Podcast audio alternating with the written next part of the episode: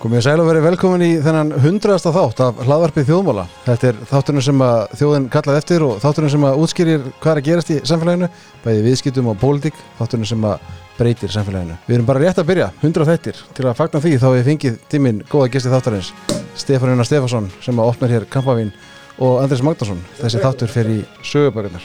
Á meðan Stefán Einar hellir kampæðinu glöðsins að að taka þátt í 100. þettinum. Já, heiður, Þakka þér bara kjallaði fyrir að en þú kemur upp við ekki Ísli. Já, Þú er greinilega verið að horfa á krán. Eða ekki? með, jú, jú, að sjálfsögur horfði ég á þáttina. Það er frábær þettir. Ekki myndi ég það að... Og meiri segja er búið að taka hér hlaðvarstátt um, um, hérna, ekki um þættina en, en um krúnuna. Akkurat, já, það var, það var þáttur nýlega. þarna í, í kringum andlát drottningar. Já, kom hérna Davíð Þólasson og Björnberg Gunnarsson. Ég, ég, ég myndi það bara ekki eh, sem að eh, mér hafði einhvern veginn verið sagt að uh, Dóti Alfætt hefði hérna, framleitt uh, Chariots of Fire. Já, þetta, ekki við síðan. Nei, Nei, en, þetta er, en þú vissir það, Gísli, Já, já, já, þú ert búin að horfa á þetta Já, alveg, þú varst ekki mönnum sinnandi en eftir að serien kom út. Þannig að þessi þáttur er í bóði Al-Fayed fjölskyldunar. Já, og, og Harrods, sér ekki hvernig ég klættur Jú, hvort þú veist. herðu, ég var að byrja á máli máluna. Skála, já, Skála. gera það.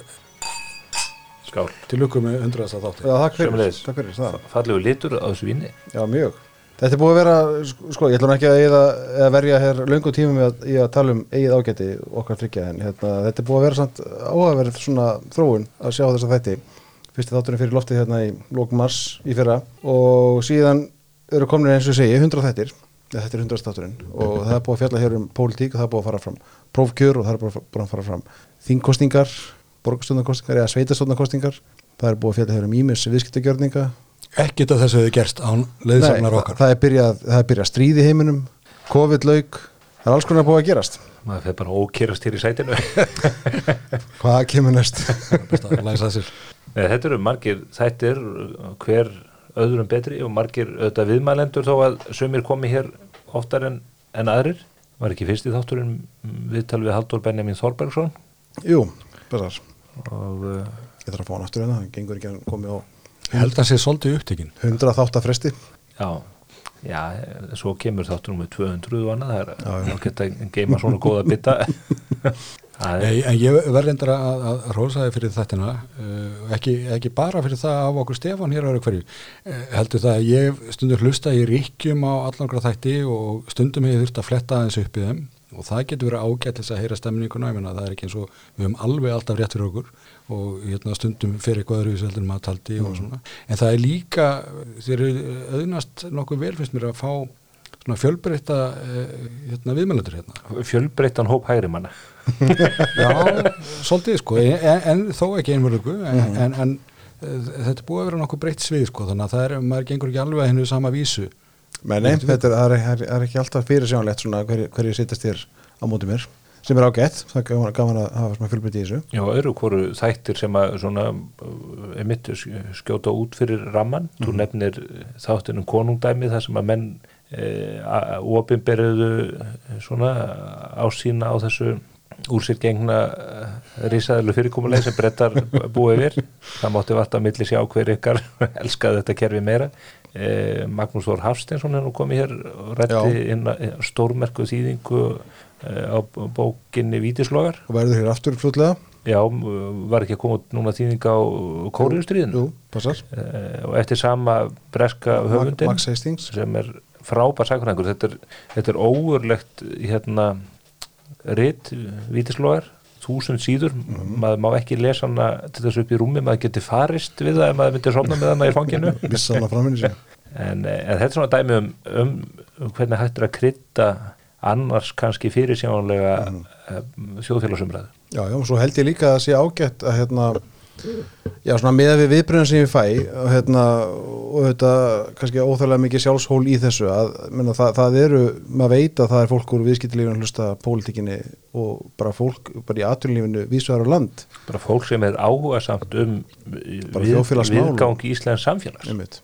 Uh, og maður er að hitta fólk út um allan heim uh, sem að þetta hlusta þetta þólir, það er engin landamann í þessu. Og ég, ég hitti nú stránkæðilega vinstri mann valdamann í, í, í heimi vinstramannu daginn og hann var alveg undrand á því að svonur hans væri að hlusta á þetta. Allarleið frá Þískanandi en það var nú svona léttu tónið ég held nú bara að menn hafi líka uh, alveg svona húmor fyrir því að menn leifin og húmornum líka eins að ráða fyrr, Þa, Já, já. það skiptir máli í svona spjalli. Ég ætla þó að koma hér með eina spurningu Já. og þú skal bara hafa þið að hagan. Uh, og þú líka Andres, ég er ekkert að beina þessar spurningu sérstaklega til þín, miklu frekar til gísla. Er einhverju sem hafa neitað að koma hér í þáttinn til þín? Nei, það hefur ekki gerst. Ekki gerst ennþá. Uh, sumir hafa sko hérna, ekki komist þegar ég vil fá þá en koma þá setna mm -hmm.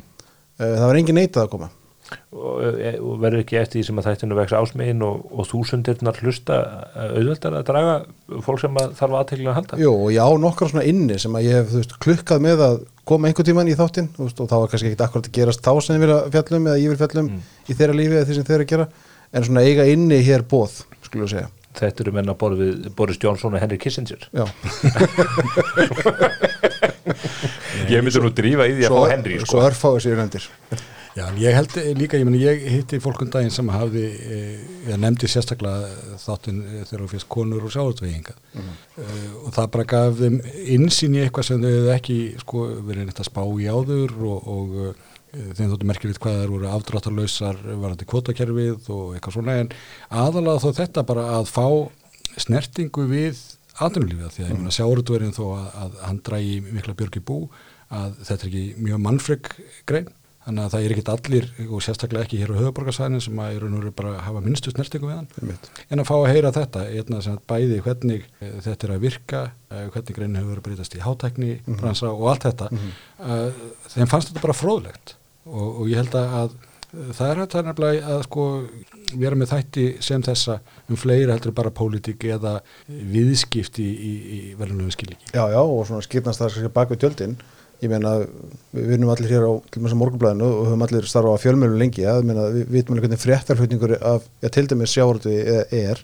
Og þá er ekkit bara að meina það að hann sé eitthvað neikar, heldur bara að hann er oft yfirbórskjendur þýrlitum til að við vitum ekki alltaf hvað er að gerast á bakvið, veist, og hvaða, hvaða vörur verið að þróa og hvaða tekni verið að þróa og hvernig atvinnum greinin er að breytast. Svo dæmis í tekið. við fáum alltaf aldrei insinn inn í þau átök sem er að eiga sér stað á, á endamarkaðanum það, þarf, að- það er ekki nóg að veiða fiskinn á þessum stóreflis tókurum með uppsjáskipum það verður að, að vinnan fullvinnan helst að þessu mestu leiti hér. Það þarf að fljúonum eða siglunum út í heim og það þarf að fá fólk til að kaupa.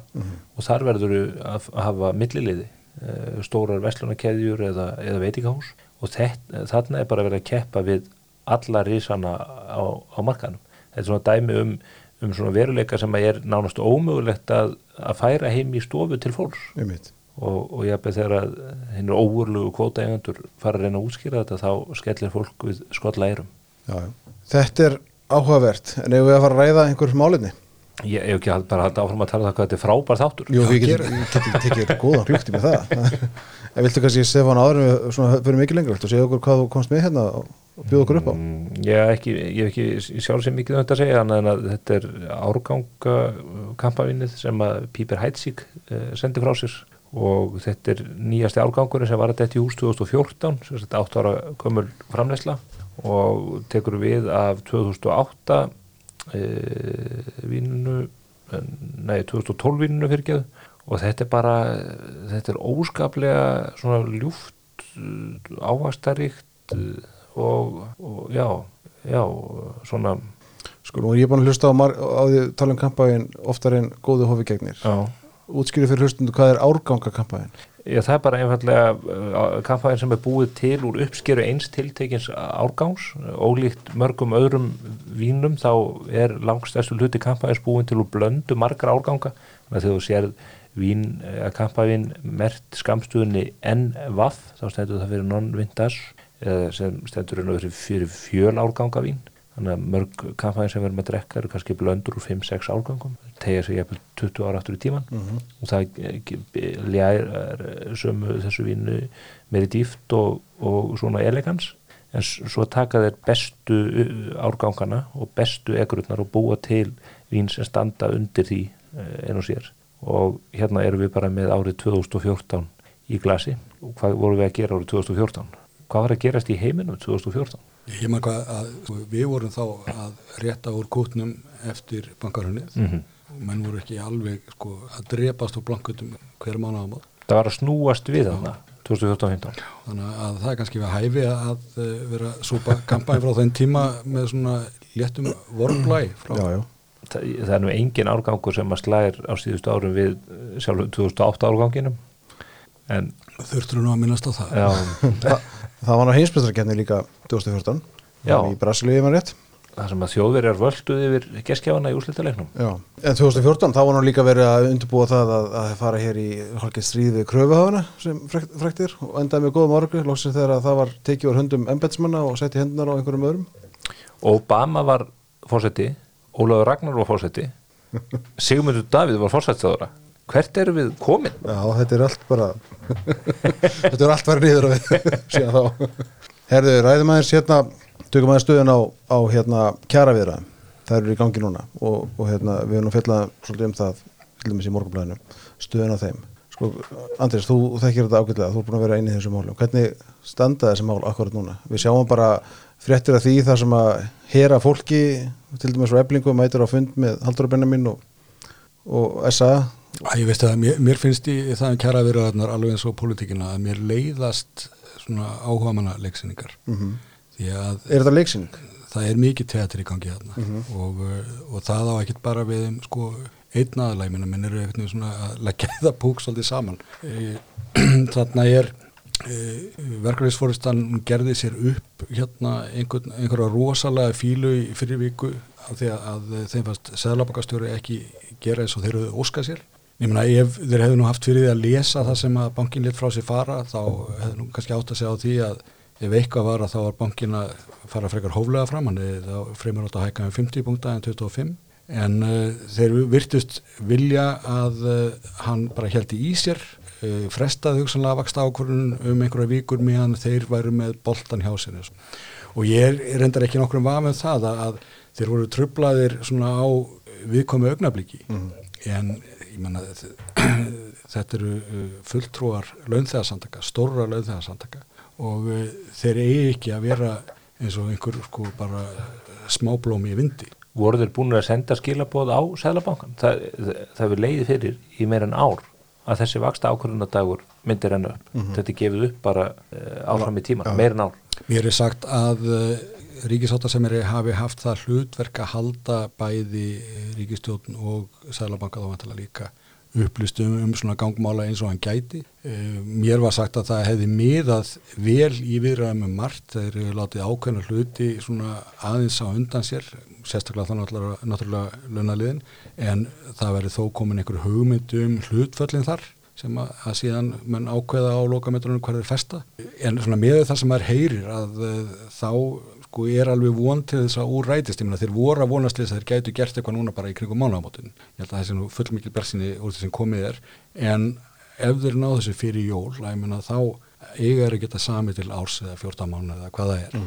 Og uh, verið þá inni með einhverja fyrirvara um það að ef þetta fyrir nú allt í skrúuna þá þurfum við eitthvað að þurfa að bregðast við því. En það er þá vantarlega líka komið svolítið mótel fyrir aðra þá samningsaðala sem mm. er á leiðinni inn og maður velti fyrir sér eh, eins og með uh, Frankoðan Stefansinnas í eblingu uh, sko hvort að hún verði ekki bara einfallega að fara að því mótili hvort sem hún líkar betur eða verð. það verður nokkuð um ljós og ég, held hún fellir sér illa við það að vera að setja á slíkan bás en, en e, það skal líka tekið fram í þessu samhengi út af allir þessari eh, harkalegu umræðu í garð Sælabankans og Sælabankans stjóra að þó að kjarasamningarnir vegið þetta þungt í, í efnahagstjórnunni hér næstu misserinn eins og bankastjórun hefur sjálfur ídrekkað þá er þetta Sælabankin að horfa á fleiri þætti og Sælabankin þarf lögarsangvæmt að tryggja verðstöðuleika og líkilættir það eru ríkisjármálin og síðan kjarasamningarnir en það eru fleiri breytur á borð við enganeysluna og gengi krónunar uh, og allt uh, lítur þetta nú lögmálunum sem að uh, síðan byrtast í mælingum á vísitölu neysluverðs. Og þar spilar húsnæðismarkaðurinn aftur inn í. Og það eru bara, það er ekkert margar viku síðan við töldum okkur sjá teiknum það að hér væri, væri að nást já, næsta undraverður árangur í að hemja verðbólguna. Virtist vera mikil kæling í kortunum á fastegnamarkaði og verðbólgu draugurinn virtist vera einhvern veginn að hverfa aftur einhvern veginn út í óminnið. En núna eru bara ímsar mælingar að segja okkur aðra sögu.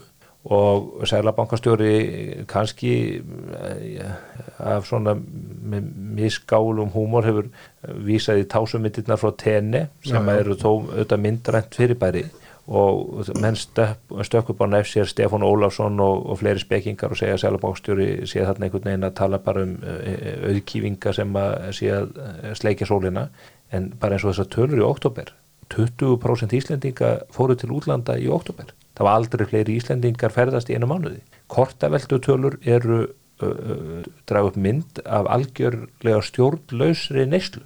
Viljið meira í glössinstrákar? Já, ég held að það, sko, er, það er nú að koma jól sko, þannig að það er kannski eitthvað aðeins. Já, Sko, bara já, í já, samhengi við, við aðra november mánuð annað, þá er bara enga neyslan á blúsandi siglingu. Hagkerfið er miklu, sko, þó að það sé tala hér um kreppu og, og það sé þungt, þungt einhvern veginn eh, fyrir hjá mörgum út af hækkandi vöxtum öðru, þá er bara hagkerfið miklu nær þeirra hættu að ofitna á mörgum sviðum heldur en að hér sé að verða til einhver kreppunar. Ég ætla samt aðeins að grípa ykkur á því að þú nefnir Ásker og, og hérna, tásumyndinar og hann talaði líka um þetta núna á síðasta fundi að hann talaði um að, að menn ætla ekki nýta gældinsvara fóran til að fjármagna sko ferðina til, til tenni og það er hérna alltaf skotið á tennirífi þessu samingi en sko, bara það er að því að flatskjáðnir eru búnir. Já, eru tenniríferðir hérna nýju flatskjáður, er það málið? ég held að það sé eitthvað svo leið nei, sko ég verð nú reyndar að uh, grípa hans til varna líka fyrir, fyrir Sælabankastjóra og Sælabankan uh, sko ég ætla ekki að gera lítið úr áhyggjum aðila vinnumarkaðarins og, og ég skil vel hvaðan þeir koma og hvað þeim kann að finnast um þetta það er rétt eins og, ég menna, ef ríkistóðin hefði gripið til einhverja rástafana sem að eh, þeim þetta sér vera sérstaklega mótrak, ég menna, auðvitað myndir láta í sér heyra. En það er ekki þar með sagt, sagt að nú gerist eitthvað út í bæ og þá sprettur maður við samningaborð upp og fer út í fússi. Ég menna, ef, ef Sælabankin ákveður, öllötu peningastefnunend ákveður hérna stýrivestinir séu öruvísi, að þá bara, já, nei, ég tala ekki vikku meir, segir maður út í bæ eða ef eins og gerði síðan sem var, var nú til með þess að Ragnar Þór spratt upp að uh, Bjarni Benindisson hann var á, á viðskiptaþingi? Fundi á viðskiptar á því á 50 daginn Já, hérna, og hann segir eitthvað sem að, Ragnar Þór er ósámala hvilika fréttir og þá er hann bara rosalega móðgar og lappar út. Mm Já, hann lí, Ragnar Þór Ingólfsson lísti því yfir í fjölmiðlum að hann hefði ákveðið að slíta viðræðum því að hann hefði verið móðgaður eða lítilsvirtur þrívegis sama sólaringi já. Og það var einmitt eins og Andri segir bara einhverjum mönnum út í bæ sem að er ekkert við samningaborðið með beinum hætti. Og það er þetta alveg svakalegt við höfum margótt rætt þessa stöðu verkeflisefingunni en við erum bara með svo óstöðuan einstakling í þessu djópið þarna að hann álítur sem svo að ef hann er persónlega móðgaður eða ef einhver uh, hérna, leggur til hans með einhverjum orðum að þá megi bara setja heil samfélagi uppná þetta er þetta algjörlega ótækt og, og, og gefur í raun og veru finnst mér selabankastjóra, fjármálar á þeirra og öðrum þeim sem að telja sig þurfa að leggja orði í belg með þessum afleðingum að þeir eigi frekar bara að gefa í í þeim efnum heldur en hitt sko. sko, það sem Bjarni hafa að segja þarna ég meina það er umdelanlegt mál hefur verið hér í mörg ár en, en þó ekki umdeldur en svo að það var tekið upp innan verkefnisreifingarinnar hvort að hér þyrti annað vinnumarkasmótel og svo framvegis. Og um, það er nú ekki alveg steindött ennþá, ég meina ég maður heyri það hjá fólki í, í verkó, það er sumt þar eh, sem er á því að það hafi verið rangt að gefast upp á saleg eins og það gerst mm -hmm. uh, meðan aðrir telja að það sé alveg hræðilegt mála að bara hugsa það. En það að hérna, þingmaður Garðabæjar látið það út í sér þó hans í fjármálaráðara uh, og að það sé tilmynið þess að uh, formaður uh, stærsta verkefliðsfélags landsins fari út í fússi að því að hann er persónulega móðgæður hann er bara fráleitt og bendlið þess að hann hafi ekki þá ábyrð sem að, honum ber að hafa gagvart sínum umbyrðandum en þegar við komum að seglabankanum sko, er þetta áfell að seglabankan fyrir það að ákveða stýrivexti? Öðruvísi en einhverjum finnst. Ég meina hvað, hvað þetta eru heilsalar sem hefur hérna, munið til þeim? Þeir voru til hérna sem eitthvað aflið þjóðfélaginu gamla dag já, já. hérna, ef þeim finnist nú eitthvað um vextina eða sjávorutun, ég meina myndi eitthvað hlusta á það píp, mm -hmm. myndi kannski vorkina þeim en segja, en Sælabankin var ákveð þetta, því að Sælabankin hann hefur ekki óskaplega mörg verkefni með höndum aðalverkefnið er að verja gjaldmiðlin og það er þessi verðbólgumarkmið og þetta sem er þar inni og til þess að geti gert þetta þá fær hann hérna tölvist skjól. Hann er sjálfstæður, gagvart ríkistjóninni uh, gagvart hvaða hagsmunum uh, aðlum sem er öðrum og bankin verður að fá að taka þessar ákvarðanir út frá sínum fórstundum eins og hann telur best og sundaði á ekki að vera ofsýnilegt og þess vegna fá ekki að sjá þess að fundagerði verið eftir smá stund sko. Dúkvöldi, ég vil líka taka fram að Ásker hefur líst yfir meðal annars í, í viðtali hjá mér í dagmálum og, og, og fleiri stöðum að hann hafi frá því að hann átt að sjá því að vaksta kurvan var leiðin upp á, við á nýju að þá byggja sér undir það að verða óvinnsælast í maður Íslandi mm -hmm. og hann, það væri bara verkefni sem hann tækja af sér að sér e, bara e, léttur í bræði Eh, eins og Germundur Aldísson eh, hefði einhvern tíma sungið um eh, Núra Skafsnönd og ekki er hann nú að, að eða gældir í utanlandsferðum, hefur aldrei farið til útlanda. Og við ættum að taka hann okkur til fyrirmyndar í, í, í því.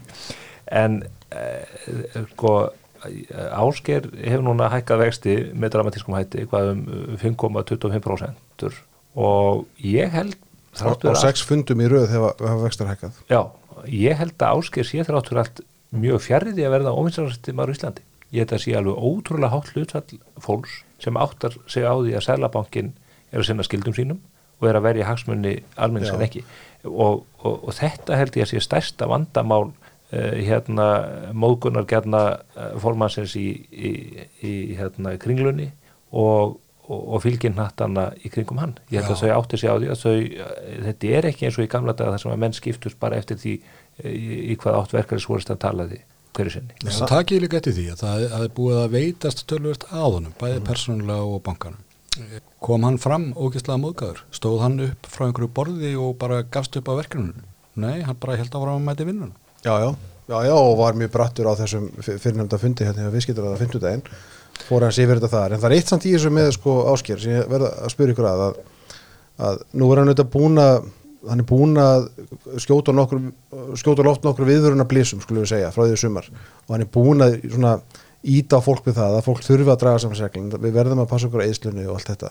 Við erum ekki að gera það, er, er fólk ekki að hlusta áskil hefur hann ekki eiru landsmenna? Ég held að fólk hafi bara bröðist við með sömu orðum og Ólaður Ragnar Grímsson þegar hann mætti á businessklubin í London og var útskeri fyrir mönnum hvað væri framöndan í íslenskri bankáðrás you ain't seen nothing yet. Og ég held að það sé staðan líka, ég held að Íslendingar séu bara í miklu stuði. Ég var nú bara í Costco á þann og það er bara eins og að það sé yfirvonandi heimstýröld, ég skil ekki til þess hvað miðaldra húsmaður og kópaði geta keitt mikið klósetpapir það er bara, neyslan er rosalega það er verið að flytja hér um bíl. Við byrjuðum að það er klóstpapir þá er það hún á pláið eða stríði. Nei, já, ég er, ég er bara að segja sko, fólk keirir þarna út úr vestlunni með sko, heilu hlössin af, af allskyns vörum núna í aðranda jól eða hvað það er. Klóstpapir og bronskýrafa og... og, og, og hvað eina. Tiffany's hérna, demasringa Já, menn við sáum bara eins og þú nefndir á þann það hafa aldrei fleiri íslendingar færi út í einu mánu eins og í óttu bara þessu ári. Já. og það slæðir út alla sumarmánu í öll árun sko bara á veitingahúsum það er, það, það er brjála að gera öllum veitingahúsum og öllum jólarhlaðbólum menningatendir hérna, viðbörur í desember uppselt að þá er það ekki bara málið eins og svo ofta áður að, að fólk sér hvað er, hvað er rétta í stöðunni en það telur það ekki fullkonuna við um sig já, segir við södrandi kampæðinu að, að það telur sig Þið eru ekki borgan eitt við þetta. Já, nefnir ná, það sér, það sér stöðuna á bankareikningunum eða hérna telur sig bara, veist, eiga að neyta með hennar nefnir stendur og, og það er skinnilegt, en við sáum það e, á fastegnamarkanum þar sem það byrjiða að, að, að býta eitthvað, að þá tók markari við sig. Já, ég held líka bara fólk tengir ekki verðbólku við það að það kaupir sér flatskjá eða eða Playstation 12 eða endur nýji bílinn eða kaupi sér dýran fatnað mm. þegar það á nóg inn á reikningum ég held að fólk seti ekki sitt heimilisbókald í svona makroekonomist uh, samhengi, ekkit frekar en að umhverju svendasinnarnir sjáu nokkur datöðast við það að fljúa til Sermel Sjeik og, og dvelja þar á luxushótelum mm. uh, í, í, í tíu daga á kostna ríkisins mm -hmm. með það sé gott sem að, að Glúmi Björnsson hafi bent á þetta daginn og það var uh, bent á það, held ég mókanum að eða í fréttablaðinu, ég held að það verið mókjafur sem benti á meðalkostnaðin við hvert ferðalang þarna á umhverfisástjöfnum COP27, það verið 1,1 miljón á mann. Vægt á þetta en á sama tíma vor, var Íslands hverðarskristof að auglýsa ferðir á 5 stjórn og hótel í Sjarmel Sjæk á 277.000 og hérna og, hann benti bara á það að þarna verið munurinn á, á ríkisrekstur og engarekstri Já, annars ég hérna fór nú lagast aðeins í, í Google í, í kringum þessa ráðstöfnu og uh, sá þá meðan hans frá einhverju ráðstöfnu svæði þarna sem voru alls konar förðulegi hlutir, menn í hérna, íspjarnabúningum að bjóða hérna knús og eitthvað svona, bara einhverju förða og uh, eitt af vandamálunum hérna er það að loftræsingin, eða þetta er loftkælingin, hún er svo glæsilegast að í gerfallri Afríku. Þannig að uh, það sækir líka fólki sem að kvefpestir hann þetta bara að hýta munurinn er svo mikill að bara slæra að liðin en svo er svo eru hérna að öll þessi dýrlegu hótel og ólíkt vandamál heimsins. Já, já. og það, það eru vist sko nánast ekkert hótel undir fjórum stjórnum það er bara hérna, fyrir ykkur aðvíðandi verkfræðingar sem er að gera við lótkellinguna gista þryggjaðstundu og þessi bær sem er bara undilaður af því að vera sumardvalastæður, sólaströnd að það er búa uh, sko hvað, 45.000 manns mm. minnum mig en það var sérstaklega til þess tekið að 10% af þeim eru rúsneskar konur undir 30 og ráðið nú í það Já, Já er þetta vísbendingarspurning? Já Ég var þarna í janúar 2013 sem er ekki frásögu færandin á þessu sveiði? Í Sjármælsík á, á fimmstjórnu hóteli en eh, það, þetta var nú eiginlega hálf, hálf hlægilegt því að við vorum að panta okkur þarna ferð ég og kona mín og við vorum eh, ekki búin að kannski fylgjast nægilega vel með svona atbyrjum dagan og undan og sá hann alveg rosalegt tilbóð fimmstjórnu hótel, 11 dagar, Sjármælsík all inclusive og bara dengdum okkur á þetta, flugum í EasyJet og ég held að þetta hefði verið 124 skall uh, sko fyrir okkur bæði. En uh, við vöknum fyrir vondadröm síðar sama dag eftir að við höfum fest okkur þetta og það var nefnilega búið að það hafði skollega á sko útgöngubann í Egiptalandi út af væringunum þarna við bræðrala muslima og, og það var bara, það var allt í hershöndum búist bara við að þarna er þið borgarastyrjöld. Þú hefði að vera með guðfæðarpróf Já, ég gæti auðvitað list úr þessu fyrir það að mestu en við sem sagt sátum inn á þessu hótel í ógeðslega vondu veðri í 11 daga. Það var alveg hræðilegt, kallt og, og vindasamt og ég hlustaði eitthvað lélegasta píjónuleikar að glamra þarna í, í lobbyun á stóran flíil allt svona, e, e, sko, þetta var, var Richard Kleiderman og það eina sem ég mann eh, jákvæmt úr ferðinu fyrir þetta þegar maður kvíldist vel var það að þessa daga eh, var hvað eftir dónstólinn upp úrskursinn um, í æsefdelin Já, sætla minninga Já, ég mann en ég satt í lobbyinu undir þessu pianoklamri og þegar að ég rífressaði mokkasíðuna og, og dómsniðustadan var ljós og ég gargaði upp yfir mig og og það, það munið að mista ég skotin hann af öryggisverðum. Þetta, þetta verður hlut af uppreysninni það væri einn í, í bræðralæginu mætur En sko Ásker tók það fram náttúrulega á fundi þegar stýrjastin voru hækkaðir í sístu viku að, að, að því vorum að tala um sko það hvað fólk er að eyða fólk er að hérna fólk er ekki að eyða Heyrður ekki sem við sagðum Við erum búin að, að beina umræðinni frá stýrifastónum hérna alveg Dast þú bara útgíst Nei. Við erum að tala um sérmel sjeg Ég held að sagja að vera bara búinn Nei og, og þá stettum ég nú í hugstaka Áttu rímord við Katar? Herðu, ég verði svolítið að koma inn á það því að sko, það, það skiptir máli í þessu það að, að, að, hérna, að fólk er ekki að eyða af yfirdrættið, fólk, fólk ána pening til þannig að fólk er ekki að hlusta á selabankan það er að eða peningunum sínum og er að njóta lífsins. Kaupmáttur og það er ekki bara, bara velstætt fólk, það er ekki bara ríka fólki það er bara, bara velnætt fólk. Kaupmáttur hefur bara verið að aukast hér næst leitu löst frá 2014-15 mm. það hefur sannlega gefið á bátinn hér í ár en fólk hefur líka átt ímist tækifæri til þess að skapa sér tekjur með örum móti, fólk getur unnið meira eða hvað það er. Mm. þannig að fólk, það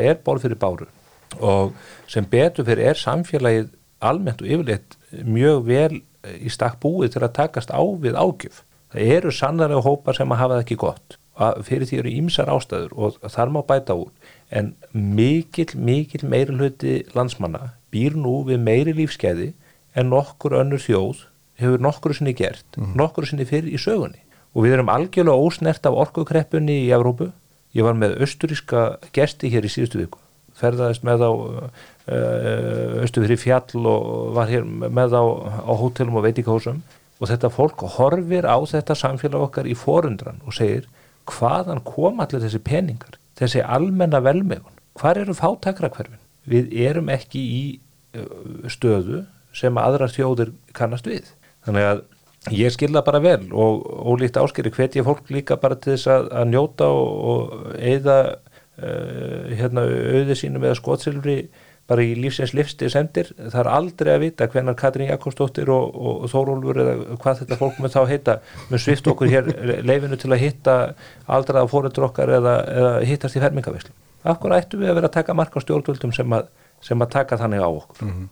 Í sem er, alvöru er ekkit ósakið spurning. Já, en heldur, heldur í alvöru að það myndi gerast jafn hratt og auðvitað næst eins og í, í næsta faraldri? Ég er ekki viss um það, en ég held að fólk sé líka núna, þetta sé eftirhettur af, af þessum stóra stormi og fólk bara finnur það annarkvæmst það eða ættingerðira sem að vesluðust upp og eru jafnveg látnir, mistu þarna bara mjög mikilvæg ár, það var gengið allt og harkarlega fram og fólk, ætl, fólk það er bara Íslendingum uh, ekki tamt að sitja undir einhverjum, uh, ég segi ekki formælingum, miklu frekar svona einhverju fyrirmælum um það hvernig þeir eigi að hefða sér með sína eigin peninga. Og ég hafði þó það hafa einhver áhrif haldið því að einhver, einhver hérna, fjölskylda í, í hafnarferði sem að sé að panta sér tennir íferð hætti við að íta á bókanhappin af óta við að verðbólgamunu aukast á Íslandi fyrir vikið. Nei, nei, alls ekki. Það virkar ekki þannig. Þannig að þín leiðbynning er kætumst meðan kostur er?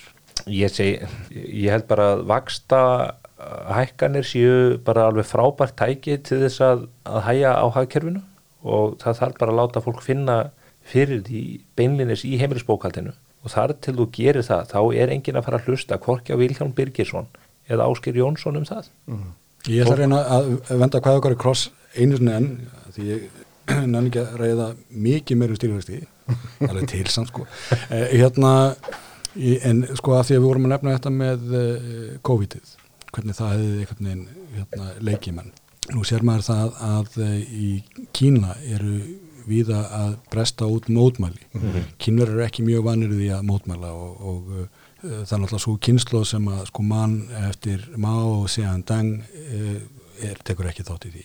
Uh, svo kynslo sem hafa brend eftir atbyrjun á torki eða fjöldamorun á, á torkiðins hinverska fríðar hún held sig þeirri sem eftir voru heldur sér líka svo til hlés. Mm -hmm. En þarna er komið fram yngra fólk sem að virðist vera óhrættara og það er hérna, það er mitt er svolítið upptekið af því að, að koma sem til fótonum og, og njóta lífsins en ég var að lesa grein þar sem að því var haldið fram að COVID hefði haft þessi áhrif það er að vegna þess að fólk hefði verið lokað inni meir og minna og það er nú að hluta til það sem við verðum að mótmæla fólk sem brann inni að því að það var læst inni já, já.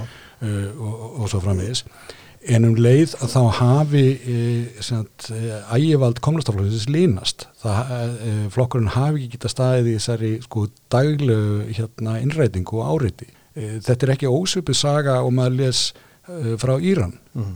þar sem að þessi miklu mótmæli hérna ungra kvenna og telpna hafa brotist út og auðvitað margir kallar hérna og strákar tekið þátt í því með þeim en uh, þar verist bara að vera mikið að sjóða upp úr og, og uh, þarna verist vera komin sko mjög óttalus kynnslóð sem að er ekkit vöndi að láta eitthvað lið lesa yfir sér. Mm. uh, sko þetta eru ungir krakkar sem að eru búin að vera inn í missa úr tvö árinu veru bara búin að fara sínu fram heima á sér. Og allt í innu þá eru sko 15.000 manns í fangelsi sem að þingi búið að skora á stjórnvöld að aflífa. Og þessi 15.000 manns hvaða fólk er þetta? Meðalaldurinn, hugsaðu ykkur, meðalaldurinn er 15 ár. Mm. Þannig að, að þannig er einhver stóri hlutur að gerast. En þá veldi maður því fyrir sér hér á Íslandi þar sem við vorum nú ekki með samskonar skólalókanir eins og við annar staðar. En samt sem að kvarta undan því að félagstróski balna væri ekki sáinn sami eins og e, hefði átt að vera. Þú veist, mun það engin sko, áhrif hafa? E, ég er ekki alltaf fram að við séum að fara að sjá óriður hér á göttunum. En e, maður veldi því fyrir sér þegar að maður sér aðveg eins og voru hér í fyrir viku hérna nýfa áras og einhver svona, eitthvað los uh, ábyrðleysi, hérna maður voru ekki velta fyrir sér aflýðingunum Kanski er þessu öfugt farið þarna úti með það sem gerstu við hér. Mm. mótmælin í Kína, mótmælin í Íran eru til margsum aukin félagsfróska mm. að, að fólk sé tilbúið til að rýsa upp gegn yfirvaldinu. Og Íranirni segja bara ef að þetta er lífið sem á að bjóða mér upp á þá er ég tilbúin til að fórna því En þau þurfum þó að vita hvað, hvað annar lífið getur bóðið upp á og það er búið að halda náttúrulega upplýsingum frá þessu fólki sérstaklega ungu fólki þú veist, að minna það heldur. En hva, hva, Í- hva, hva, hvar komast þau upplýsingar um það að Íran- lífið getur verið betra? Íran er skrítið sko. Hérna þráttur að klerkastettin hafi haft hérna liðið sko í játgreipum að mörguleiti um langan tíma. Þá samt sem áður uh, það hefur verið tiltöla frjálst uh, efnaðslíf á, á götunni. Uh, fólk hefur geta ferðast töluvert uh, það er uh, það kemst svolítið á netið og hefur gerfinhatta sjónvarp og svo framvegis og er líka í miklum tengslum við þessa stóru persnesku diasporu út í heimi. Það það er náttúrulega sko bara um eh, í allri Evrópu, í Rúslandi og í Bandaríkunum mikið af persum sem að, að er að ferðastundum heim og, og, og segja fréttir. Maður sér það í sjá Lundunum að lífið er öðruvísu utan undan landamærana Já þeir sjá það og ég menna þeir muna tíma eða sem, það eru frængur sem geta sagt einn frá því hvernig þetta var á, á dögum hérna, keisarans sem að var nú ekki frábær náengi en hérna drottum í dýri skáruð þessi. Ég hef nú líka með fullri vinningu fyrir okkar upplýsingu og annað að manneskjan sem slík þurfi ekki endilega að búa yfir miklum samanburðar dæmum til þess að átta sig á því að, að þú drepur ekki fólk, að þú drepur ekki unga koni í varðhaldi fyrir að hafa ekki hulið hásveit nægilega vel.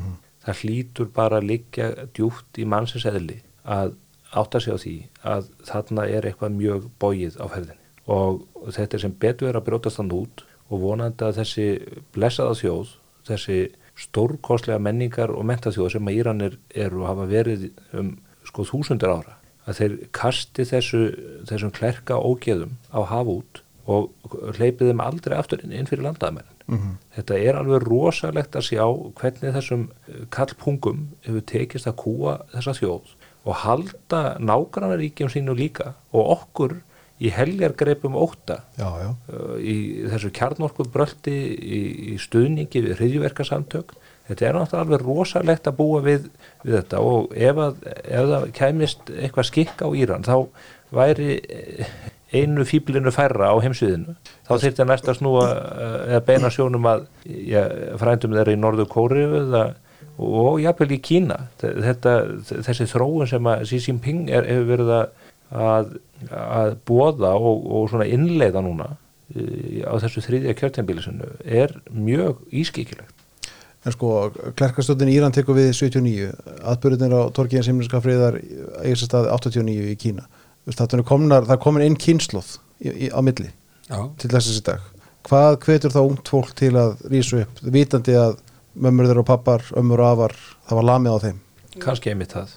Já en þú veist, þú taka sensin á því að þessi lamið á þeim líka ég, eh, bara eins og ég segi, ég held að þau líti svo á að, þetta er frábært, að, að, verði, að, ég held að þetta fólk líti bara svo á að það sé bara verið að þrengja meir og meir að þeim þar til að þú kapnar og það sé eins gott að nýta þá síðustu blóðrópana, síðustu andadrættina sem þú hefur til þess að bregðast við til að láta þér heyra. Og því, lík, því líkt hvernig þetta er tákrænt að gerast þetta í Kína með þessar hvítu óskrifuðu síður þar sem er ekki hægt að lögsækja þig fyrir á grundvelli rittskoðunar eða lesa í einhver skilabóð það vita allir hvað stendur á þessum auðu síðum.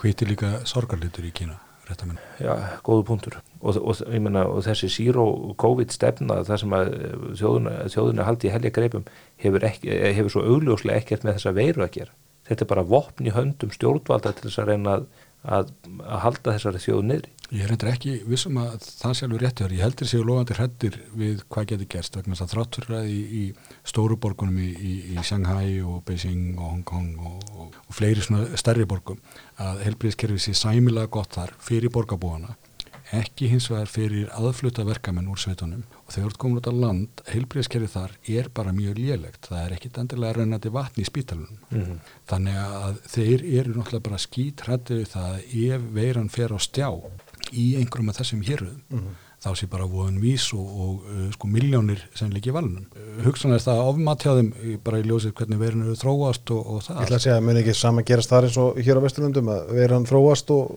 kemur ljósa hún er ekki átt hættuleg og Jú, jú, en, en vandin er þessi að, að eh, sko, leiðtóðin mikli, hann hefur lagt sitt nafn eh, tölvöld við þessa stefnu. Mhm. Hann á erfitt með að bakka frá henni Mhm. og uh, ef hann gerir það, er, er hann þá að játa, já, ég hef haft framtölu mér um kannski eitthvað fleira eða? Hann, hann er þetta uh, á mjög erfitt með að bakka út úr, út úr því.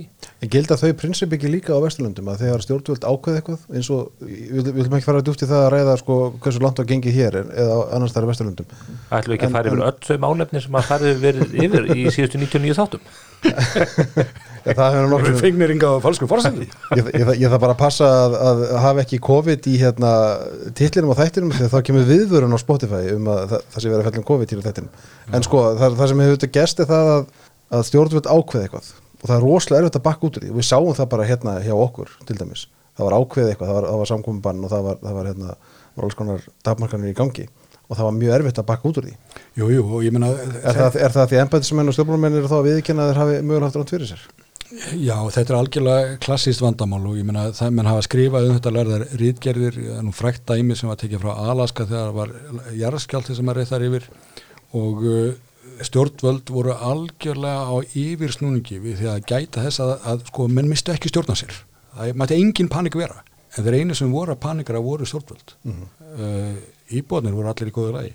Þeir voru að hjálpa hverju öðrum, deldu matalum með sér og allt þetta, en það stjórnvöldin eh, voru algjörlega á nálum yfir því að myndi missa tökin og þetta held ég að hafi e, gerst nánast allstaðar í COVID að stjórnvöldi voru logandir hættu þetta, hvað gerist nú ef við missum tökin á þessu og, og það- ég heldur að hafa ekki verið að hugsa um sig, ég heldur bara að þeir í, í, í alvöru þeir hafi óttast þetta að það bara tæki hrein óstjórn og, og stjórnleysi við Það er þetta bara undirliggjandi eh, tendens hjá öllu stjórnvöldum. Mhm. Telja bara að almenningur get ekki ráðið sínum ráðum sjálfur, get ekki leist úr hennu flóknu úrlausnarefnum og samt blasir það við hver, hver sem litið er að það sem að stjórnvöld og einhverjir kjörnir fulltrúar eru kallar að borðinu, þar fer, fara hlutin bara í klessu, klínandi klessu. Vistu, það þarf ekki það til vegna þess að bara við lifum í þjóðfélagi þessum eru upp að hávara kröfunum það að nuttarar séu með lögvenda starfseiti og bókastarfræðinga líka.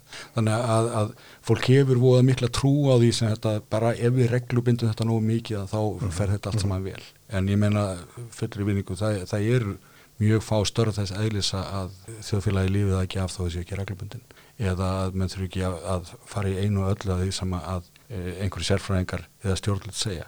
Vegna þess að, að sko það er eitt frelsi sem við verðum að berjast fyrir alla daga þá er það frelsi til þess að hafa rangt fyrir sér. sko, já en við þurfum samt að gera kröfu til þess að hinn er ofinberu uh, embætismenn og, og þeir sem, þeir sem treystir fyrir almanhagsmunum hafi ekki alltaf rámt fyrir sér sko. og það er það sem við erum að sjá hér æ ofan í æ, misnótkunna og operu fjö misráðunar ákvarðanir sjáu þetta nýjasta dæmi með, með strætó.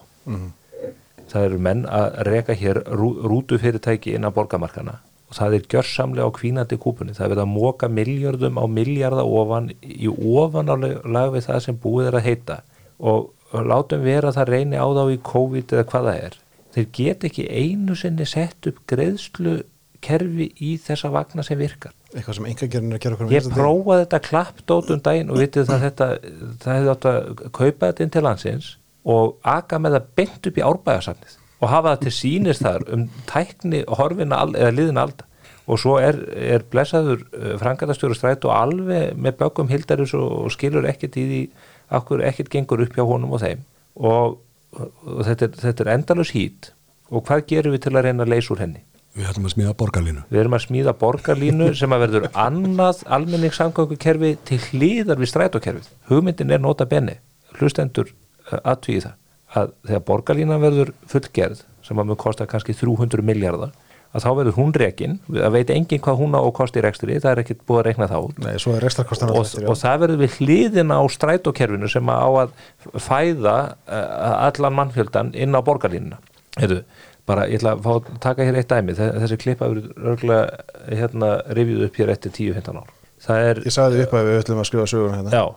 Það, nú hérna sjá menn eðlilega ofsjónum yfir því að Guðmundur Bjarnason og aðri framsóknarmenn á sokkalistunum hafi steift Íslenska ríkinu í ævintýrlega skuldir með rekstur íbúðalánasjós á árinu 2004 og síðar. Sennilega 450 miljardar eh, sem að hérna eh, reikningurinn verður ef ekki 500 árið 2044 þegar síðasta skuldabrið verður, verður hlift í tvend. Svo fjárhæð sem við erum að horfa upp á varandi í elsjóðin bliknar sennilega í samanburðinum við það dómadagsrugl sem er eiga sér stað í sambandi við almenni samgöngunar í Reykjavík og höfuborgsæðin. Hugsið ykkur að við, ef við lifum, tórum eitthvað lengur og börnin okkar og barnabörnin, verða bara með eh, kirkingarólina, strætó slags borgarlína um hálsin hér senlega næstu hundra árin. Já, er á seint að bakka með þetta? Ég, ég held að við verði að engin bakkir á borgarlínunni ég held að þessir vagnar þeir geti bara kert áfram og ég held að niðurstaðan verið svo að þegar að menn verða farin að keira borgarlínuna með sko æfintæralegum rekstrakostnaði við hliðin á strætókerfinu að þá stýgi einhver fram og muni leggja til enn aðra lausn. Ó, nei, heyriði, það er nú þegar komin fram önnur lausn. Pavel Bartosek, sá mikli meistari, hefur stýðið fram á opveru vettvangi og lagt það til að við förum og borum hér neðanjarðagöng í ofanlega við þetta allt í Reykjavík. Og svo, Hvað, fyrir, fyrir metro þá eða? Já, fyrir metró erðu, og þegar Kristján Kristjánsson og Sprengisendis horða á hann, og maður, heyr, maður heyrðan horfa á hann í þættinum að þetta er nútastáttur og sagði, já eh, þetta lítur nú að kosta mikið Hvað var, hvert var svar starfsæðingsins? Ekki, sagði hann burðið við borgarlínu þá er þetta ekki dýrt Mér líður strax betur. Hérna, þetta er þetta alveg svakalegt. Nei, nei, ég, ég reyndar, ég er ekki alveg svarsitt nú og, og þú á þetta e, þar að segja, ég efa ekki að, að e, þú hefur rétt fyrir um hvernig þetta gæti farið. Og hvernig getur þá ekki verið og ég á þetta? Vegna þess að ég held að e, vegna þess að Reykjavíkuborg er núna nú þegar komin í fjárhagskrokkur e, e, Dagur Bjækisson Mér líður miklu betur. Já, nei, Dagur Bjækisson, hann hefur engan áhuga á fjármálunum, hefur aldrei haft. En núna eru fjármálunum farin að hafa áhuga á honum og hann getur ekki slegið alltaf lán sem hann hefur geta gert til þessa og þetta er alltaf dýrar og þetta er erfiðar Það er alltaf komið betur og betur ljós hvað borgin er búin að vera illa reykjað síðustu ár. Já, en ég hef heyrt að á samfengingafólki núna uh, síðustu vikur það er orðið nervist, það er fyrir að draga einmitt í land með borgarlununa að segja já, jú, það þarf nú kannski aðtöða þetta betur og svona, þú veist, hvort það sé einhverja aðrar leiðir uh, færari og kannski mér huglega þá ætlum að fara í léttvagnakerfi eða eitthvað slíkt sem er talsriðt óterara. Ég meina við verum að, að vona að einhverju sjáu að sér eitthvað tíman. Það er ekkert sem bendir til þess og síst af öllu með nýjan borgarstjóra á, á, á bygglistanum sem að er, er nýkomin hefur frá færi um það sem að var að tendra jólatrið í, í þórsöfn. Hann er bara stokkin á vagnin. Þetta var sko kostingafni fyrir borgstöndarkostingar 2018 og 2022 Hæ, Jólatré í færi? Já, það var bara það var bara óskað eftir því að einhver kæfist fram til að kveikja á sig jólatri ég held að topa salva þeirna. Nei, menn þetta var þetta, um þetta snýðast kostingarnar borgarlínuna, í tvenna kostingar í röð, Er það? meir og minna Nei, veistu að ég held nefnilega að þetta sé alveg eins og þú veist, sjálfstæðsmenn er búin að reyna að fara fram í fjármálin reglulega í kostningabartu og kjósunar af engan áhuga. Ég held eins með borgarlínuna að þetta var eitthvað svona áhuga efni margar borgarfulltrúa. Þetta var ekki eitthvað sem maður eh, heyrði að að tendraði í borgarbúum sérstaklega. En Þú, þú gerir það ekki með abstrakt tölum eins og 150 miljardar eða 70 til 140 miljardar. Þetta eru bara, uh, fólk tengir ekkit við upphæður þessu tægi. En ekki fyrir hann skuldir ekki til þess bara af hverju var ekki hamra á því að það væri ekki til ekstra áall að það væri ekki búið að komast að neittni fá neina mynda því hvað það myndi kosta og setja það síðan í samhengi við, við hlutina. Eh, það, það kaupi sér engin bíl auðvitað svona velta fyrir sér hversu miklu hann eyðir. Allavega hann ekki þeir sem er bensínbíl. Þú ferðu að kaupi bíla þá ertu þó þú hafið svona óljósa hugmyndum þróun bensínverð svo annað þá veltur þú fyrir sko eyður hann 5 lítrum á hundraði eða hann 20 lítrum á hundraði. Og fæstir kaupa sér bílinn sem eða 20 lítrum á hundraði. Og setja eins og rekstur svona kerfa í, í eitthvað slíkt samhengi sem fólk skilur segja, herðu, við erum ekki að fara að samþykja einhvað sem að liggur ekki fyrir hvað eh, kosti sko, hvort að bílinn eði 5 lítrum eða 25 eða jafnvel 100 lítrum. Dagur B og þessi menn, þeir svara bara eins og félagi minn, eitt sem átti svona Dodge Ram risastóran uh, með tvöhöldum afturhásingum eða hvað þetta drast hétt og ég spurði hvað, hvað er þessi bíl miklu? Og hann horfði á mig reyðilegur og sagði öllu sem ég set á hann og þannig verður það með borgarlínuna og strætó. Að þau, þessi kerfi þau eigða öllum þeim peningum sem við setjum í þau. Já, en þarna kann að reynast uh, líkilmaður uh, góðu gestiðin hérna um daginn Ástis Kristjánsdóttir bæjastjóri í Kópái uh, maður heyri það að hún uh, hafði miklar efasendir, skulum við segja og hún náttúrulega öfugt við dagafélagi kann að rekna. Við tókum viðtal við hana eh, hér fyrir kostningarnar og þá gerðum svona ímsar aðtöðsendir, en ég heyrið það á henni að hún hefur mjög herst í, í e, þeim efasendur sínum, að ég segi ekki andstöðu. Þannig að eh, sko ef e, Kópáður ákveður að setja tappan í hér, þá verður þetta í raun og veru bara borgarlína og frekar stutt. Þannig að það er nú einhverja vonur í þessu, held ég. Já. Það er bara löng þögn hjá Stefán. Ég held að Andres verði bara semtur hérna, hvað heit þetta, Bjarsýnisverlum brösti. Jú, jú.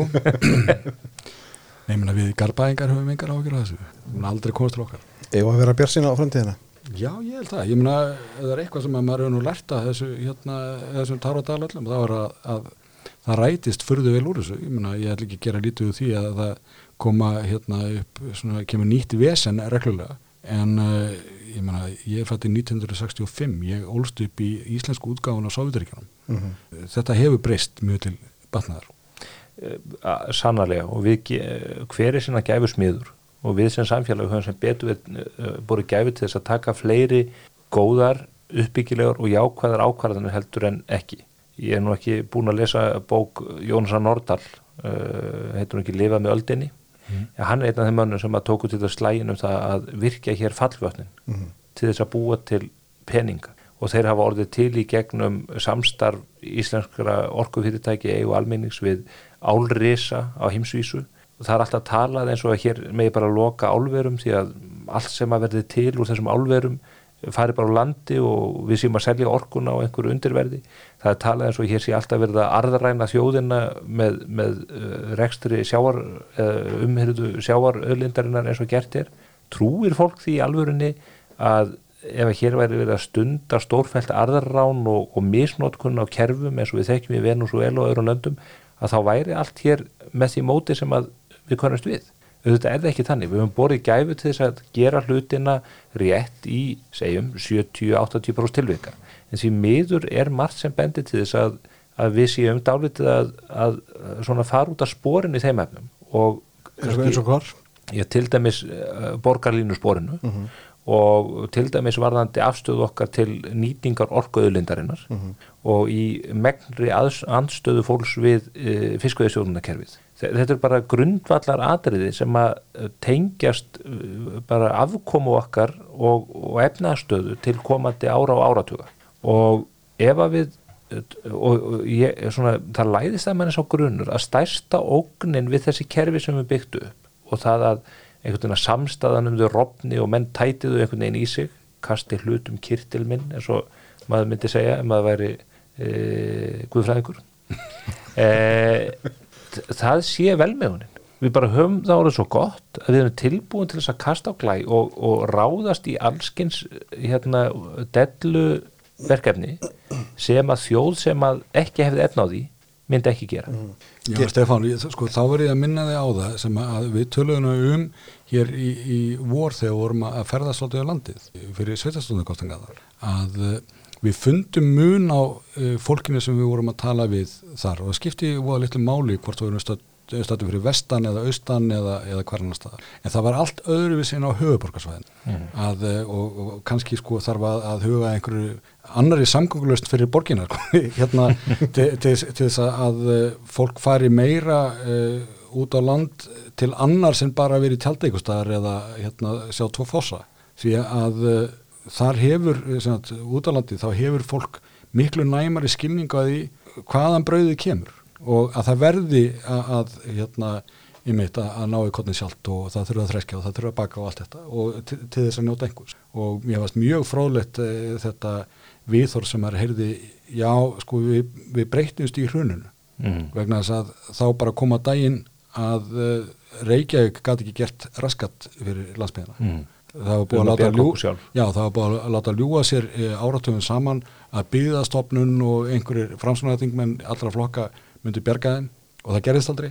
En þarna var það bara allt í nú, var sannleikurinn alveg ljós. Að bara eh, þeir fyrir sunnan, þeir höfðu ekkert að bjóða sko. þannig að þeir fóru að bjarga sér sjálfur og, og ég held að þar höfðu séð alls konar uh, hérna, blóm, blómstra með mjög hérna, tróttmiklum og, og áhrifmiklum hætti. Það er eitthvað sem að, að ég held að, að sko, höfuborgbúðar ættu að uh, læra svolítið af og, og uh, staðin fyrir að einangra sig og vera með einhvern veginn aðra menningu hér eftir það. Borgin er auðvitað dál til gerfi veröld með fullri virðingu. Nú hef ég búið hér uh, síðustu 25 árin eða svo. Það finnir lunga efi. Að minni lönguæfi og uh, hér kemur fólk út á tröppur í hlýðunum eða í sjálflandskverfinu eða út á yðiskrandaði hvað það er og helsa nagrannum og eitt fyrir inn á landsbókasafn og annar upp á landsbítal og hinn í KPMG og, og einhver fyrir upp á álbægasafn eða í einhver aðra stofnununa hjá Íslandsstofu eða hvað þessi batteri vil heita. Og þetta er allt einhver gerfiverð enginn þessar einstaklinga lappar uh, út í bíl og keirir að fyrirtæki sem er að búa til raunverulega verðmæti. Það eru þetta undantekningar eins og uh, fólkið á gólfin í Marell og í Össuri og einhver slíku fyrirtæki sem að þó eru ennþá Brynni. til staðar inn í Reykjavík. Já, þetta er mikill minnluti mm -hmm. Út á landi, lappar út á tröppur á aðstrætin og patrisverði og þú mætir liftarakallinum og, og sjóaranum og fólkinu sem er að fara að stýra, stýra fóðurpramannum í, í lagseldinu og, og fólkinu sem að hérna, vegagerðakallarnir sem að fara og reyðja vegina til þess að að koma lagsinum á alþjóðamarkað og, og hafa upp úr því 80 miljardar fyrir þjóðabúið á, á ári. Þetta eru við erum bara í miklu minni tengslum við sko hérna raunverulega verðmætasköpun og það hvernig gangverk hagkerfisins í raun og veru er Sko ég verð aðeins að byrja bætilflokka fyrir þéttbili hérna vegna þess að, að sko við mögum ekki vera ofromantísk og, og horfa á bara þeir sem er í frumframlöftu greinunum með þeir einhvern veginn hafi þetta. Auðvitað verða verðmætt til víðar en þetta sem hún endi með tengslinn, ég held að það sé nefnilega málið að það eru tengslinn augljós í mörgum af þeim atvinnugreinum sem við stundum helst hér á höfuborgarsvæðinu að þá eru þessi tengsl ekki jafn augljós.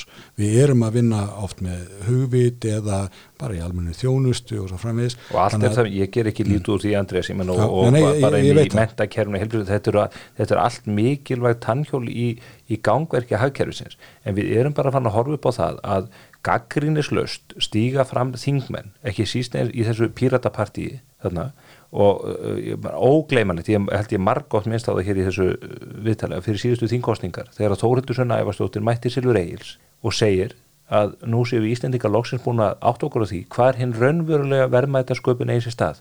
Það sé í ofinberi þjónustu. Þetta sagði hún fullum fetum fyrir framann Egil Helgason og aðra hérna, þáttakandur í þessu tætti og allir kinguðu bara kolli. Mm -hmm. og hvar starfaði þetta fólk?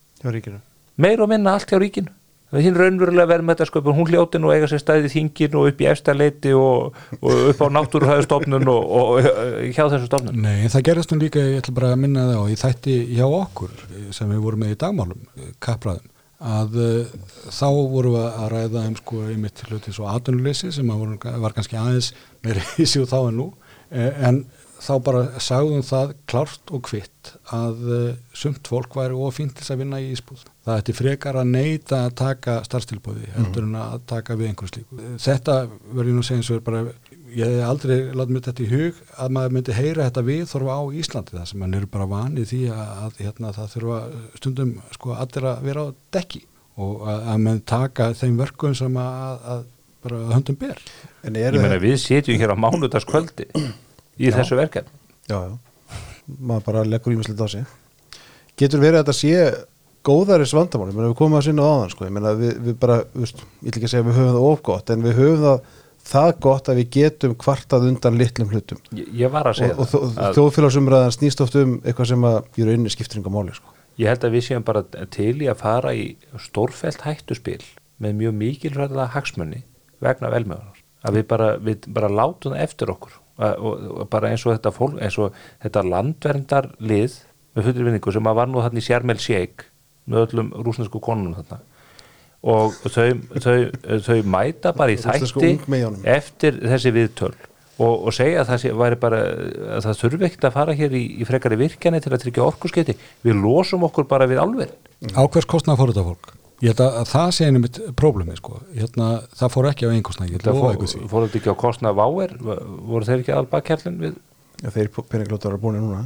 Landverð sem að berst gegn útblæstri á, hérna, á hinsvísu let sér hafa það að taka við peningum já, já. frá flugfélagi. 820 miljonar ári þú hvað brendi 830 þóttan miklu elsneiti á leiðinni til hérna uh, Mumbai? Voru það ekki 100 tonn? Já, ég meina, við, við erum með sko, fjöldan allan svona dæmum alveg svo ymna því að, að, að hérna, henda gaman að, að pýrutunum hérna áðan sem að, að finnst ekkit skemmtilegur en að vera ekkert með á vegum Európu þingsins eða eitthvað í mjög, já, í, í svona mjög important jobs uh, svona tilsýndar. Uh, auðvitað er það voða gaman að, að vera standa í einhverju slíku á annara kostnað og, og hérna borða góðum veitingastöðum á annara kostnað og allt þetta. Það er voða þægilegt. En þegar að sko ef þau nú bara heldur sér þar gott og vel en, en þegar það er jafnframt og ég er ekki að taka píratisesskla út, í, út í, í því það eru fleiri hérna flokkar sem að standa í því eru að leggja stein í götu annara sem að eru að reyna að sækja sér lífsbjörg. Mhm.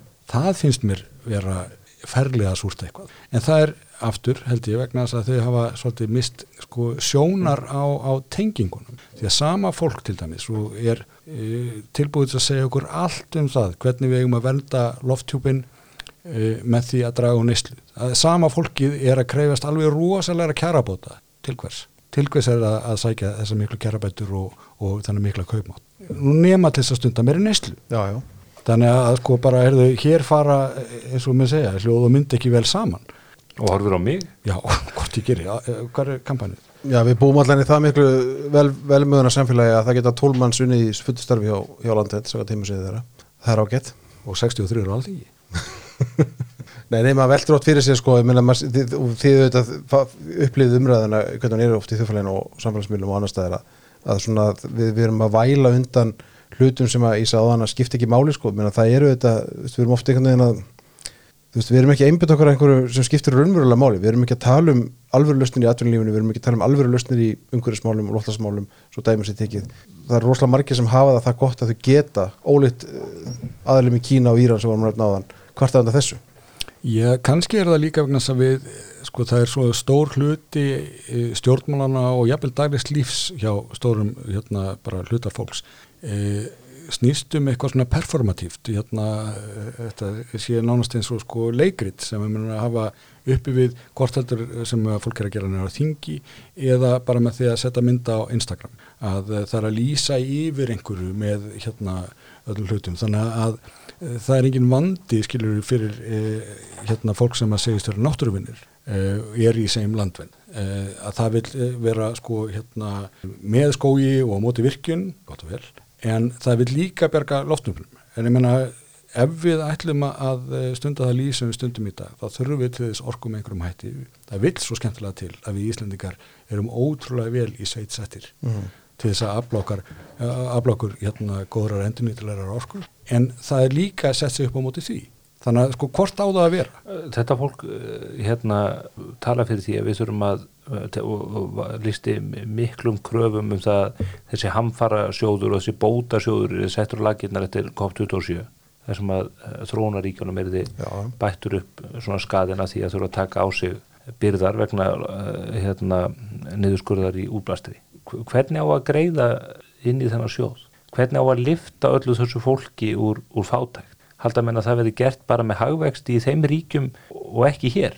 Hvernig á að eh, bregðast við öldrun þjóðarinn? Hvernig á að viðhalda hérna velferðakerfinu og fjölga fólki? Ef að enginn verður hagvöxturinn og hér fjölgar fólki, hvar á að skera niður?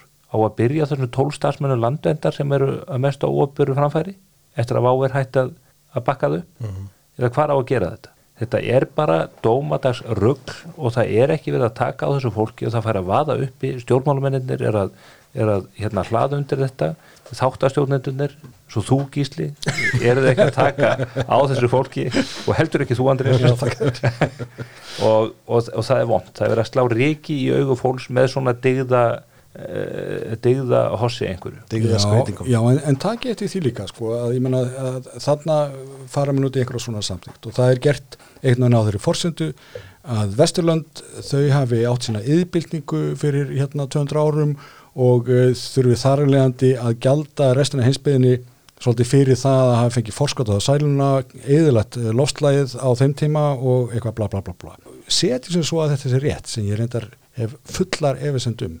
Ég held ymmit að yðnbildingin hafi gert það að verkum að, að við erum í færi núna til þess að gera alls konar stórfenglega hluti í nafni nútíma tækni en setjum sér svo að, að, að þetta sé nú rétt.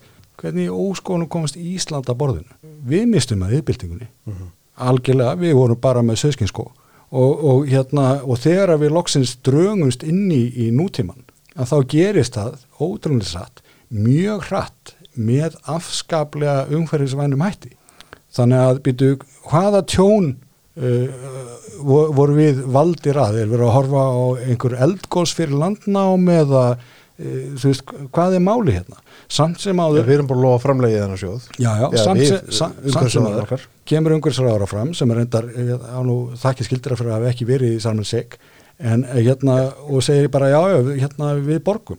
Býtu, það er ekki búið að ræða það á hérna fjármálaáallin Mhm. það er ekki fjárlögum með neitt en það er bara jarmallið með var einhverju ríkistunni sem að að, hérna sagði, heyrðu augnarbygg not so fastbury En mun einhver á alþingi eða ríkistöld mótmála því? Nei, nei af því að þetta snýst um þetta performatíva Þá er þetta orðin dyggðaspilling. Já, og er það þetta bara í Á öllum kostnað meginatriðum. annara Algjörlega. annað með þetta landvendar uh, lið sko, lýsir því ef við til dæmis að, að uh, atvinnulífinu sé ekki treystandi fyrir því að leysa lofslagsvandan því að atvinnulífið beri ábyrð á lofslagsvandan sko í fyrsta lagi er það náttúrulega atvinnulífið um heim allan sem er að leysa þetta. Það er bara hátækni fyrirtækin sem eru að búa hér til sólarafluðunar og, vindorkuna og virkja fallvötnin og, og jafnvel hafströymana fyrirtækin sem er að dæla núna uh, koltvísýningnum onni í jörðin og breytunum í, í berg og þetta, þetta er allt fyrirtæki sem eru drifin áfram af hagnaða sjónamið sama hagna, hagnaði og sömu sjónamiðum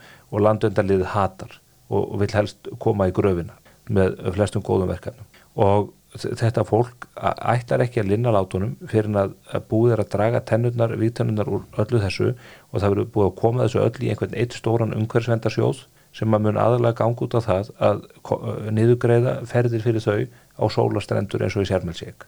En hugsaðu ykkur döðabraldið. Núna á dögum Ukrænustreysins að þá skortir rúsnesk gas til brennslu í, í Vesturörupu og uh, þetta hefur náttúrulega valdið greiðlega vanda og menna miklar ágjörði að uh, veturinn getur reynst að vera kaldur, hann er reynda að fara í seint að stað. En uh, það hefur talsað snjóþekja sem getur bent við þess að veturinn verði harðari heldur en í, í meðalári. Uh, Bandarækjumenn uh, fóru að flytja gas sjóliðina til þess að lína þess að þjáningar aðeins. En þá hvort það er Európanda því að hérna, það, þetta sé nú miklu dýrara gasveldur en að þeirra eru vanir að fá og hérna hvort það sé getur að gera eitthvað í því. En á sama tíma að þá er verið að brenna meira og meira kólum til þess að framlega orku í Európu mm -hmm. af því að e, það er auðvöld að sækja e, kóla en þó þannig að þeir kýla á það. Þetta er á sama tíma allir sem svo hollendikar neita að opna gaslindir sem eru með tilbúnar í gröningen bara einhverju mestu gaslindir í, í sko ekki bara Evrópu heldur í hérna þó við að vera leitað Er það ekki út af aðlóta smá jarðskjáltum eins og tíðkast í hveragerði og, og áhrifum þeirra á einhverja nágranna þetta í Hollandi? það er hlut af því en, en ég held að aðal mótstæðan bara félist í því að með seg, samt, þeir sem eru anstæðingar þess að segja ef við gefum eftir eitt þumlung þá er alinn farin sko. Ég held að þau eru bara að senda þessu fólki kassa gróls og hérna þeir eiga þá. Já, þeir að nóga, nóga því.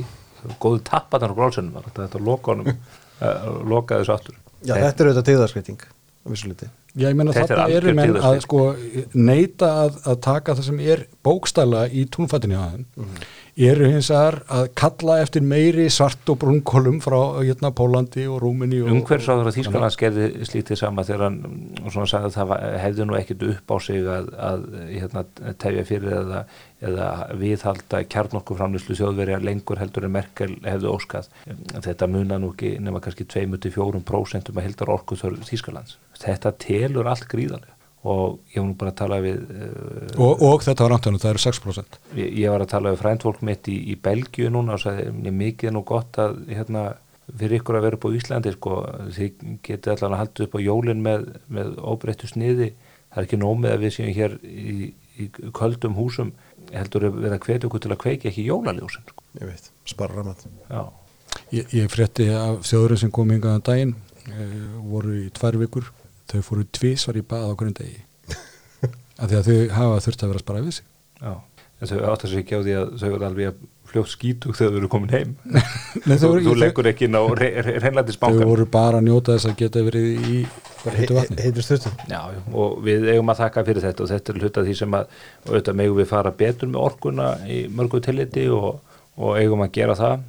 Merkilegt til dæmis núna sem að ekki margir átt að segja á en nú er eitt af orku fyrirtækjunum eða þessi smásölu fyrirtækjunum í, í rávorku þetta er Strömlind, eitt af þessu nýskopuna fyrirtækjum í þeim efnum sem er samkeppni við risana, þeir eru fættir að bjóða fólki sem er með rafbíla uh, tækifæri til þess að að hlaða bílana á hvernig tímabili við nóttina, ég held að hvort það sé frá 2 á nóttunni til 7 á mótana þá farið 30% afslátt á orkunni. og Það er alltaf með ólíkitum að, að þetta hefði aldrei tíðkast á Íslanda áður. Nei, já sko, þetta hefur þetta ekki tíðkast að því orkan er svo ódýr og við hefum hatt svo mikið af henni.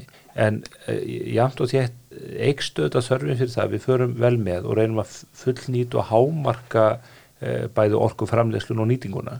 Og þannig er að koma fram allskynns snjallösnir sem hljóta nú eiginlega hafa bara verið funnar upp á skristu á landvendar þetta fólk lítur, ég, ég er bara vel á minnst. Eða eitthvað ríkistóðanar Já, eða, já, einmitt ég held að samkjæmsættilegt hafa fundið upp, upp þessa aðferð.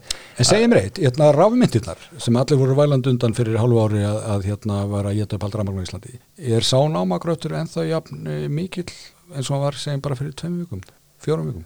Ég, ég bara því miður get ekki tjáð með um það mál. Ég sagði þetta í prívatsamtali nei, nei, hann hefur minkað hann hefur minkað Já, ég er það ekki, er ekki Já, allavega minni fókus á það og ég held nú reyndar að menn hafi verið mjög eða þetta hafi verið íkju, er svona, já, íkju kenda sögur um það hversu mikill hluti af orkunni væri að fara í þetta. En við þurfum orku og við eigum nóg af orku íslendingar. Við mögum vera ótrúlega stolt af því. og frjálsa markasækjur við munum finna betri reyðir til að nýta hana Hvað? Það, og, og við erum að, og það, eiginlega það efnisríkasta sem kom út úr þessari e, sólarlandaferð þarna til Egyptalands var, kom fram í viðtali mitt á Sprengisandi svo ég vísi eftir það þegar Sigurður Hannesson frangatum stjóri samtaka innaris kom og var að útskýra hvað hefði raun komið fram á þessu, þessu fundi. Þar voru þjóðirnar og, og, og fyrirtæki sem að tengjast þessu markaði að kynna lausnir og það er alltaf flegi ferið þeim efnum. Mm -hmm. Gáfaðasta og öflugasta fólk, fólk í heimi er ekki á skrifstofan landvendar heldur inn í, í allskynns nýsköpuna fyrirtækjum ef það er ekki að finna eh, sko, le, hérna, fi- finna út úr því hvernig við getum bætt orkuöflun og orkunýtingu að þá er fólk, þetta eh, sama fólk inn í enga fyrirtækjum að búa til bólefni gegn COVID. Það voru ekki stjórnvöld sem að leist okkur þeirri klemmu. Það voru enga fyrirtæki sem að núna græða á tá og fingri, BioNTech og fleiri. Það er markaðurinn sem hefur leist þetta í öllum tilvíkum og hefur burðið til þess. Rétt og ég meina ég vil ganga sko jáfnvel enn lengra.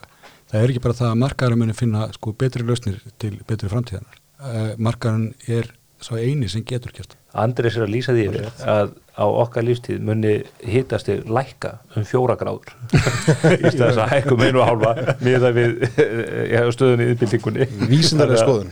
og, og það, er, það, það er ekki bara óskekja þó að Andris sé stór hlutafi í 66 gráður norður heldur, heldur eh, eru vísindin og, og markaðurinn þess megnum Ákveður þú ekki aðstofmaður ráþara? Þú ert búin að fullkomna frasan hérna, það sem ráþarann ætlaði að segja.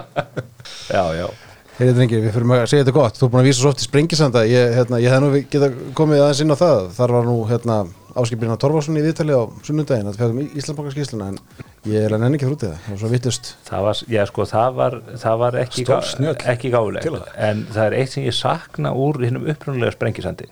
Það voru þau mistök sem Sigurjón M. Egilson gerði í upphæfi hvers þáttar. Þegar hann mætti til leiks að búin að æsa sjálfan sig upp á sunnundagsmótni með tíu kaffibóllum og var búin að skrifa niður einhvern, einhvern reyði pistil og reyndi svo að lesa hann og gataðu þetta ekki. Og hyggstað á þessu fyrsta kortir þetta var alveg óbá sko, það voru allir sunnudaga góði þegar Sigurjón var með sprengisan Nei, en, en varandi til áskeir sko, hérna sem að, gekk og það við notuðum arðin og benkunum, sko, snæfra, selja bankuna notuðum arðin og benkunum til að borga upp e, e, skuldabriði stóra úr íhelsöði að sko, Halldór Karl Högnason hann kom með ágæða punktu um þetta. Hann sagði, nú, býtu, þannig að ef við ættum ekki ríkisbanka Starfsmann þá ættum við að gera hvað? Kaupa banka til svona þeim Bara, hvaða della er þetta? ef ég má bara nefna þetta menn með svona hugmyndir eru yfirleitt geimtir inn í háskólan háskóli gæti ekki einu sinni geimt áskir Brynja Torfarsson og ekki Guðrún Jónsson heldur. Herra, láttu það vera lokaðurinn Takk fyrir komuna